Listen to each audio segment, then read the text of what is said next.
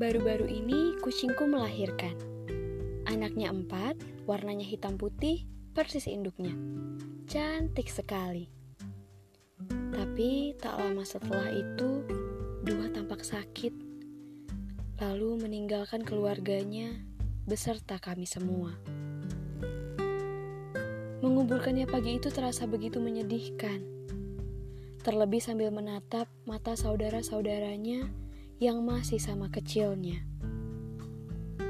Ibunya jangan ditanya. Hampir berhari-hari setelahnya, dia terlihat murung dan tidak nafsu makan. Tapi apa boleh buat? Satu-satunya yang bisa dilakukan adalah dengan merelakan lalu melanjutkan kehidupan, makan, dan tidur seperti biasa yang harus dipaksa nyaman. Beberapa waktu setelahnya, yang dua ini terlihat semakin lucu saja tingkahnya.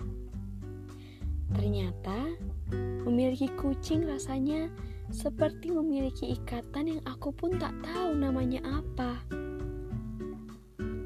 persis seperti yang diceritakan teman-temanku yang mencintai kucing lebih dari teman-temannya. Mereka bilang hanya mereka dan kucingnya yang tahu bagaimana rasanya. Semacam dengan melihat matanya saja bisa mengerti kucing menginginkan apa.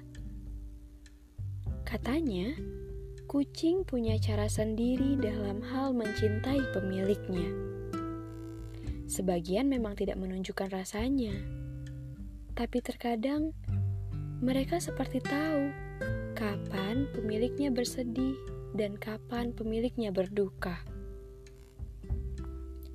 Kalau sudah begitu, digoyang-goyangkan ekornya. Matanya yang bulat berbinar mengisyaratkan seperti sudah tak apa, ada aku di sini.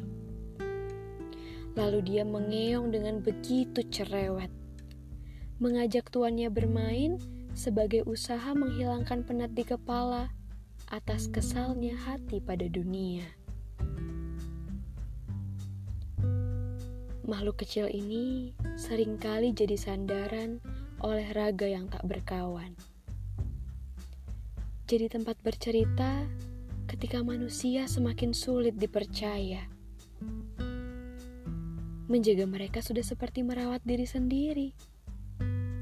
Sakit mereka adalah sakit untuk tuannya juga. Dan bahagia mereka adalah dengan melihat tuannya bahagia.